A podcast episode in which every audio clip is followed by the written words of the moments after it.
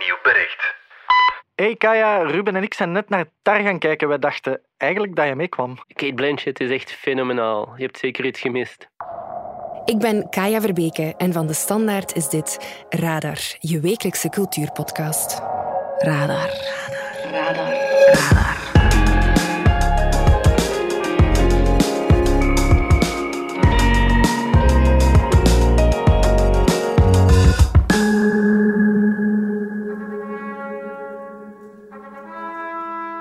De vijfde symfonie van Mahler. Een meesterwerk. Het is een eikpunt in de klassieke muziek en een maatstaf voor de echt grote dirigenten.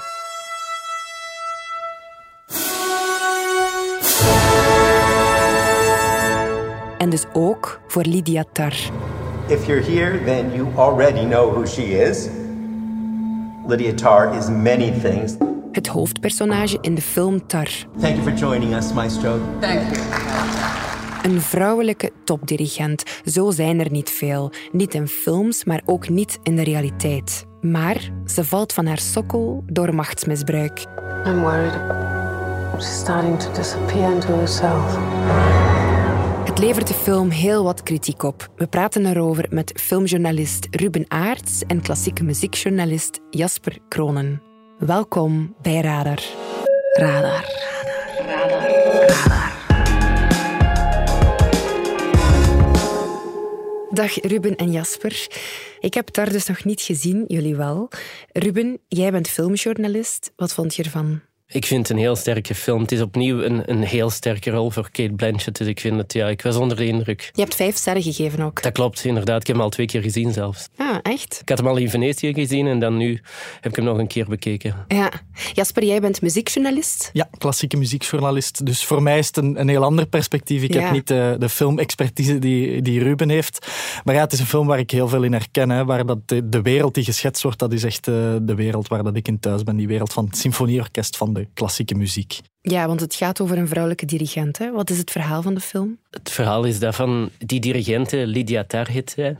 Een, een dirigent en componiste. En zij valt eigenlijk van haar sokkel. Het is geen biopic. Het is, het is een fictief personage. Lydia Tarr bestaat niet.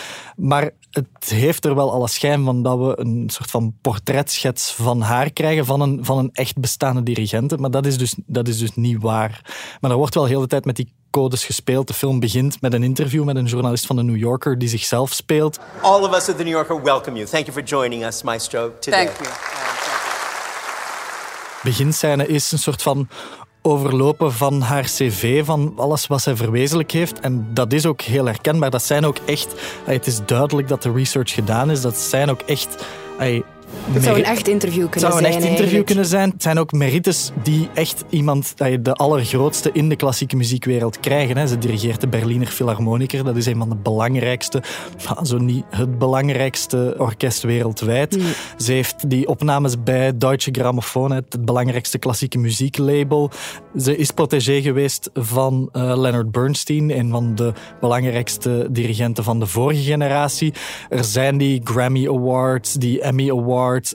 Lydia Tarr has also written music for the stage and screen. She is, in fact, one of only 15 so called EGOTs, meaning those who have won all four major entertainment awards an Emmy, a Grammy, an Oscar, and a Tony. Die openingsscène die vindt ook plaats tijdens het, het New Yorker Festival, het, jaarlijkse festival van het bekende weekblad, waar een interview wordt afgenomen door Adam Gopnik, de man die dat daar ook jaarlijks rondloopt en interviews afneemt. Dus ze spelen inderdaad met het idee van, kijk, dit, eh, dit zou zomaar iemand kunnen zijn die echt bestaat. Gaan er dan niet mensen uit de cinemazaal komen met het idee dat Lydia Tar echt bestaat? Of misschien gebaseerd is op een echte persoon?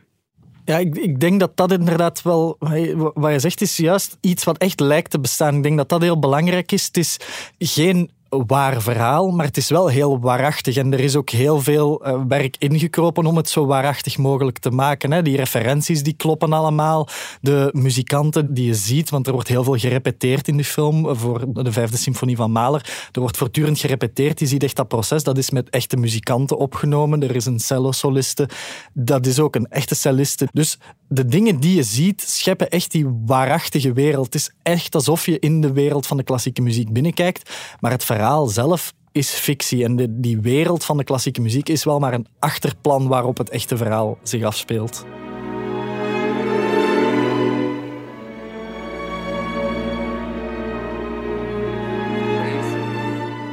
Please, please, please, you must watch.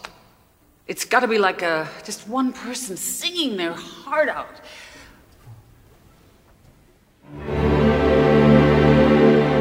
De vijfde symfonie van Mahler, die we ook al in het begin van deze podcast hoorden, dat is een heel belangrijk werk en het toont aan dat daar een topdirigent is. Hè? Ja, Mahler is een van die echte eikpunten van het symfonisch repertoire. Dus symfonisch repertoire muziek voor, voor symfonieorkesten.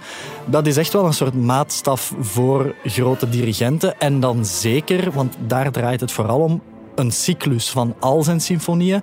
De vijfde van Mahler is volgens het verhaal, eh, volgens de film, de enige die ze nog niet gedaan heeft.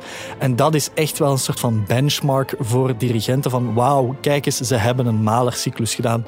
Eh, dat is nog maar eens tonen, kijk eens hoe een belangrijke dirigente Lydia Tarr is. Echt bij de allergrootste, zo niet de allergrootste. Ja, er zit dus heel veel muziek in de film, maar toch is het geen muziekfilm. Er zit zeker veel muziek in de film, want het is inderdaad, die wereld van de klassieke muziek wordt gebruikt om het verhaal op te schetsen. Maar om nu te zeggen dat het een muziekfilm is, is misschien net een brug te ver. Omdat wat je ziet is vooral die repetities. Dus je krijgt die fragmenten uit die vijfde symfonie van Mahler en uit andere klassieke werken. Maar echt in die repetitiecontext. Dus fragmentjes, stukjes eruit. De muziek zelf van de film die is gecomponeerd door Hildur Gunnadotter. Maar die is redelijk ingetogen. Er zijn wel zo wat sferische momentjes. Maar het viel mij bijvoorbeeld heel hard op hoe het contrast tussen die repetitiescènes die dan echt bomvol muziek zitten, mhm contrasteren met die andere scènes. En dan kijk ik vooral naar Ruben, die daar waarschijnlijk iets, uh, iets zinniger over kan zeggen. Maar het contrast met dan de, de geacteerde scènes, die bijna op een soort van stilte geacteerd worden, dat vind ik juist heel, heel sterk, dat contrast. Ja, en die moeten inderdaad echt, denk ik, de film typeren. Omdat, zoals dat Jasper zegt, dit is geen muziekfilm. Dit is echt een karakterportret van iemand die heel gerenommeerd is, heel hoog aangeschreven staat het is wel een film die, die echt muziek ademt. Hè. Je hebt een, een heel bekende scène als zij gaat repeteren op haar appartement. Gaat er op een bepaald moment een, een deurbel af. Ze luistert daarnaar, zet zich eigenlijk meteen aan de piano, gaat dat motiefje van die deurbel, ding dong, ding dong, ding dong, gaat ze naspelen. En dan maakt in montage dan een soort van plotse overgang naar twee noten uit die vijfde symfonie van Mahler, waar je dan plots die, die massa van die orkestklank hebt. Dus je hebt die subtiele overgang van een geluidje uit het leven gegrepen naar hoe gaan we dat muzikaal maken, naar hoe past dat in die, die ah. grotere symfonische structuur. Ja, maar dus de film gaat over muziek, maar gaat eigenlijk veel meer over macht, machtsvertoon en de gevolgen van macht. Ja, klopt inderdaad eigenlijk speelt de film zich eerder toevallig in de muziekwereld af. Het kon zich even goed in de, bij wijze van spreken, in de bankensector afspelen, omdat het inderdaad gaat over iemand in een hoge positie. Mhm. En wat dat met die persoon doet. En, en machtsmisbruik en, en eigenlijk roofdiergedrag, daar gaat het uiteindelijk ook over. Ja, dat komt in elke sector voor. Ik wil zeggen, we hebben het verhaal van, van Harvey Weinstein, dat zijn we nog lang niet vergeten, dat was de filmwereld. Dit is inderdaad een andere culturele tak, maar dat kan evengoed ja, waar in de bedrijfswereld uh, zich afspelen. Ja, nu, de film krijgt heel veel lof, hè? En in maart misschien ook nog een paar Oscars. Klopt, inderdaad. De film is uh, voor zes Oscars genomineerd. Ook voor beste film. Maar ook de regisseur is genomineerd, uh, Todd Field. Voor het grote publiek gaat dat geen uh, bekende naam zijn. Dit is ook nog maar zijn derde film. Ja. Hij is eigenlijk uh, begonnen als acteur, maar hij was nooit echt iemand die het wilde maken als uh, acteur. Hij speelde kleine rolletjes. En een van die meest markante rolletjes was in Ice White Shut. En hij liep vooral, denk ik, op die set rond om met zijn ogen te stelen van Stanley Kubrick, van de meester zelf. Oh wauw, Stanley Kubrick als leermeester, dat kan wel tellen, ja. Nu, de hoofdrolspeelster Kate Blanchett is ook genomineerd voor een Oscar. Wat denk je, Ruben? Gaat ze winnen? Ik denk het wel. Ik denk dat ze heel veel kans maakt. Het zou trouwens zeker niet de eerste keer zijn dat ze wint. Ze heeft al twee Oscars gewonnen. Ja. Eentje voor die keer dat ze Catherine Hepburn speelde in The Aviator. En dan nog een tweede voor Blue Jasmine, een, een film van Woody Allen waarin ze de hoofdrol had. Dit zou haar derde keer kunnen worden, maar ook de, ja, de achtste keer dat ze genomineerd is. En acht keer, dat is, uh, dat is meer dan Robert De Niro Wauw. genomineerd was. Ja, en het is ook helemaal de film van Kate Blanchett in de zin van ze heeft helemaal de kans en ze grijpt die om te laten zien wat ze kan als actrice. De film heeft echt enkele hele lange scènes die in één take zijn opgenomen. Er is een scène waarin ze lesgeeft aan Juilliard, die duurt 10, 12 minuten. Dat is in één take. En dat is echt haar kans om te schitteren, om te laten zien van hoe dat zij eigenlijk zich volledig kan gooien in die rol, opgaan in die rol. Ze, je ziet Kate Blanchett niet meer, ze wordt gewoon Lydia Tarr. Je ziet enkel nog Lydia Tarr. Dat pleit voor het talent van Kate Blanchett. Niet elke acteur kan je doen vergeten dat je naar hem of haar aan het kijken bent. We luisteren even naar een stukje uit die scène. Have you ever played or, or conducted Bach? Honestly, as a BIPOC, pangender person, I would say Bach's misogynistic life makes it kind of impossible for me to take his music seriously. Um, what, what, do you, what do you mean by that? Well, didn't he sire like 20 kids? Yes, that's documented, along with a considerable amount of music. But I'm sorry, I'm, I'm unclear as to what his prodigious skills in the marital bed have to do with B minor. Sure. All right, whatever. That's, that's your choice. I mean, after all, a soul selects her own society. But remember, the flip side of that selection closes the valves of one's attention. Deze scène zit vooraan in de film, maar spreekt eigenlijk al boekdelen. Hè? We voelen toch al een klein beetje wat er in de rest van de film zit aan te komen. Ja, inderdaad. Deze scène geeft al een beetje een beeld van met wat voor personen we hier eigenlijk te maken hebben. Heel voorzichtig, heel geleidelijk. Zo bouwt de film dat eigenlijk op. In het begin lijkt het een zuiver portret van iemand met een ongelooflijk talent, maar hier krijgen we toch in de, in de gaten dat er meer aan de hand is. Dat er bepaalde dingen op, op moreel vlak misschien niet helemaal door de beugel kunnen. Mm, Ja, en het, het citaat dat we horen raakt ook een heel belangrijk thema over die klassieke muziek aan. Hè. Die cancel culture. Ja, we zitten met een repertoire dat eeuwenoud is. Het gaat hier over Bach, ja, die, het is eh, 18e eeuw. Hoe moeten we daarmee omgaan? Dat is een wereld die heel lang gedomineerd is door, Kate Blanchett zegt het in de film ook zelf, nice Austro-German white guys who go to church. Ja, dat, dat is wel zo natuurlijk.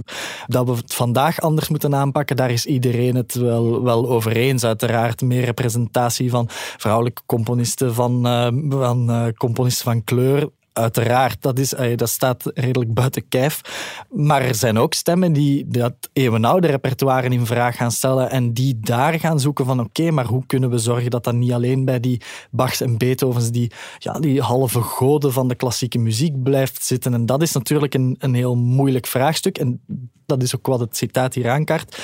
Waar het ook heel hard over gaat in die scène, en dat, dat zei Ruben al, is dat machtsmisbruik. En dat is eigenlijk het allerbelangrijkste thema over uit de film. Hè, over hoe een persoon in een machtspositie, want dat is Kate Blanchett, dat is Lydia Tarr, hoe die haar positie, haar macht, haar, haar ja, soort van hoogste in rang in dat wereldje kan gebruiken en misbruiken om ja, macht uit te oefenen. Hè.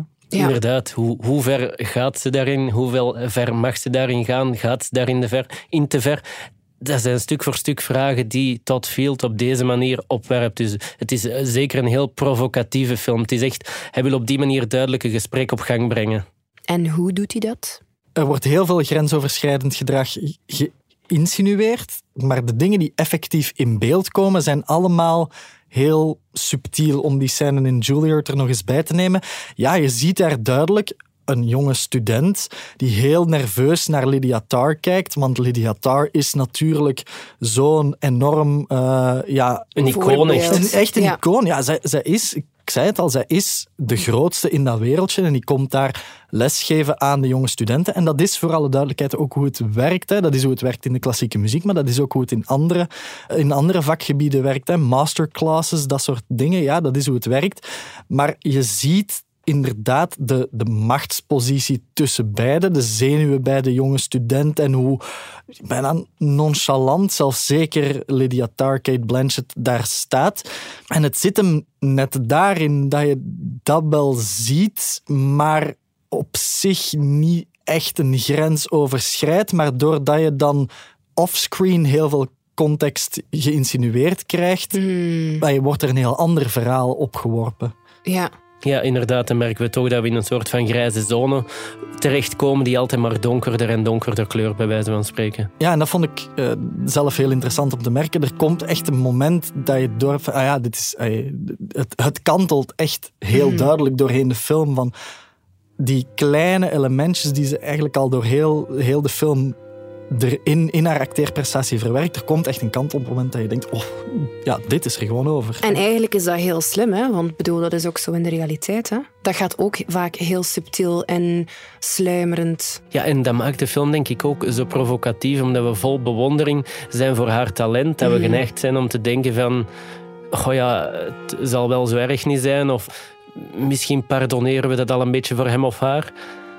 Maar de film laat wel zien dat het best wel problematisch kan zijn en dat het ook een hellend vlak kan zijn. Mm. En, en wat ook zeker, eh, dan spreek ik vanuit de klassieke muziek, ja, waar dat je toch zeker in de vorige generatie met die emblematische figuren zit, die dirigenten die echt zo, ja, maestro en maestra in veel, veel, veel mindere mate, maar die maestro's die ja, staan ook letterlijk op een soort voetstuk op dat podium, op een verhoogd element. Dat zijn echt ja, de supersterren van dat, van dat wereldje. Dus het is inderdaad dat moeilijk, dat moeilijk evenwicht tussen die vergoddelijking van die figuren en dan anderzijds ja, de, de, de dubieuze dingen die ze doen en die vaak in die grijze zone zitten en dan een keer lijken te kantelen naar ja, dit is echt wel over de grens van de grijze zone. Dat is een heel, heel moeilijk spanningsveld, wat hij uh, wat mij betreft wel fantastisch in beeld brengt. Ja, dat zoekt tot Field helemaal op, inderdaad. Om, om, om net dat aan te kaarten en dat op te zoeken.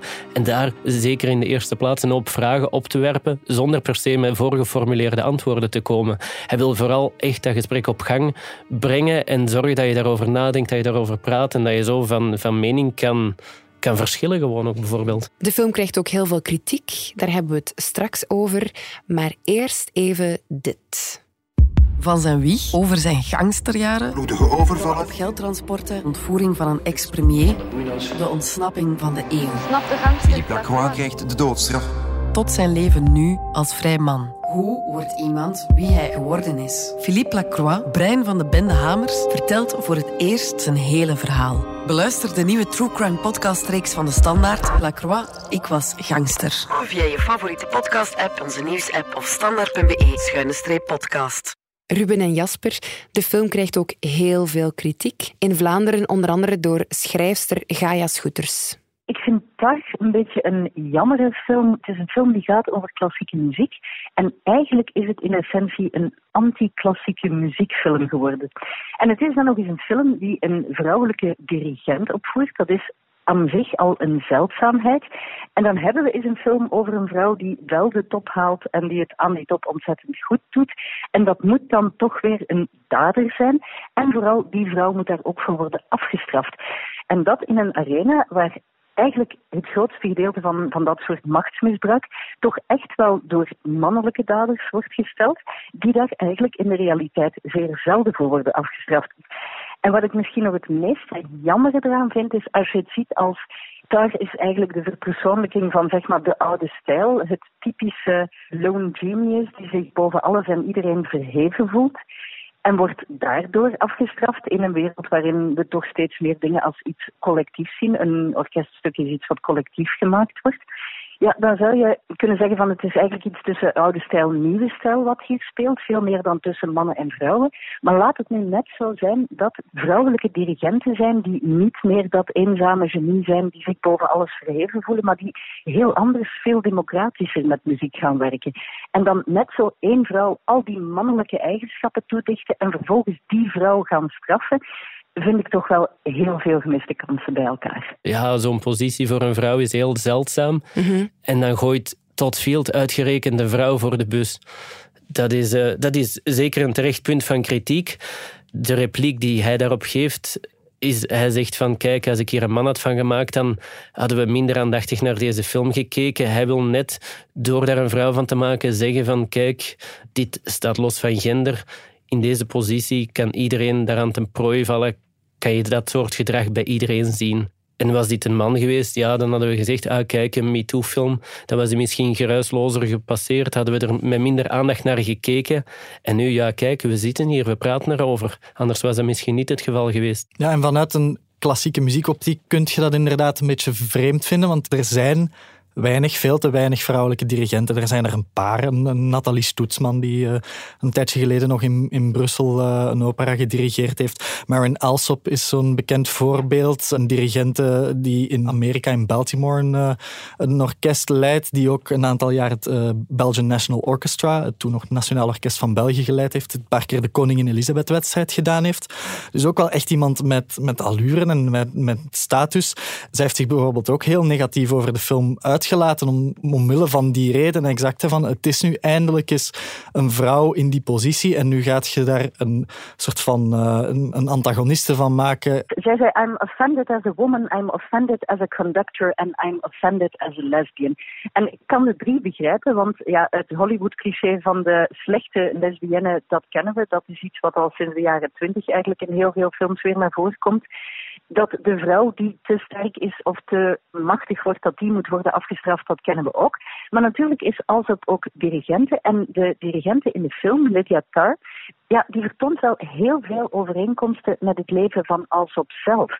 Dus dat zij zich ook nog persoonlijk voelt aangesproken, dat kan ik mij heel goed voorstellen. Vooral omdat zij ook weer een van die mensen is die net op een heel andere manier dirigeert en omgaat met orkesten. Ik vind zelf niet dat hij echt een standpunt inneemt. Hij werpt vooral vragen op. Dat is ook iets wat hij in de film Lydia Tarr letterlijk laat zeggen in die uh, scène die we nu al uh, uitvoerig besproken hebben, die Juilliard-scène, zet ze zich met Max, de student, aan de piano en gaan ze Bach spelen. Ze gaan dat analyseren van wat wil hij daarmee zeggen met die muziek? Hoe, hoe moet je dat interpreteren? En Lydia Tarr zegt zelf, als je er u diep genoeg in vastbijt, dan hoor je, het is een vraag. En dat antwoord werpt weer een nieuwe vraag op.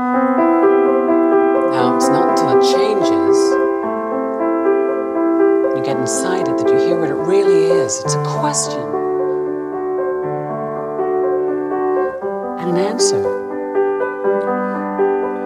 which begs another question. There's a humility in Bach. He's not pretending he's certain about anything. Because he knows that it's always the question that involves the listener. It's never the answer? Now, the big question for you is what do you think, Max? Ik denk dat dat heel belangrijk is. Dat is eigenlijk eh, bijna tot Field die Lydia Tarr een beetje zijn visie op de film laat, laat uitdrukken door de muziek, wat dan weer ja, schitterend is. Ja, en dat is ook typisch Todd Field om niet met een voorgekoude film te komen en de kijker zelf te laten oordelen over wat hij ziet, over het gedrag dat hij ziet. Ja, kortom, ga dus vooral zelf even kijken om dan je mening te vormen. Of natuurlijk om de fantastische Kate Blanchett aan het werk te zien of om te genieten van heel veel klassieke muziek. Dank jullie wel, Jasper en Ruben. Graag gedaan. Met plezier. En ik heb hier nog een extra cultuurtip voor jou. Radar. De tip komt deze week van... Lieve van de Velde, blogredacteur. Wat is jouw tip? Dagen zonder broer, het programma van Jeroen Meus op 1 en VRT Max over uh, omgaan met trouwen. En waarom? Het is een uh, heel mooi en menselijk en diep menselijk zelfs programma, waarin dat duidelijk wordt dat trouwen echt niet simpel is en ook bij iedereen anders is. Dat er niet zomaar wetenschappelijke verklaringen op te plakken zijn van uh, eerst uh, ontkenning, dan hoede, dan aanvaarding. Maar dat het iets is wat heel diep gaat, wat uw leven overhoop haalt. Hij toont dat heel mooi aan door over zichzelf te vertellen. Het leven dat bij hem al dan niet op dezelfde manier doorgaat na de dood van zijn broer. Maar ook door met de lotgenoten te praten.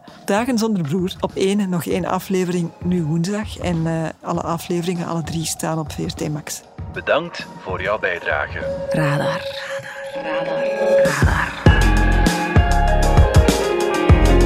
Zo, dat was Radar, de wekelijkse cultuurpodcast van de Standaard. Alle credits vind je op standaard.be-podcast. Bedankt voor het luisteren en uh, tot volgende week. Hè.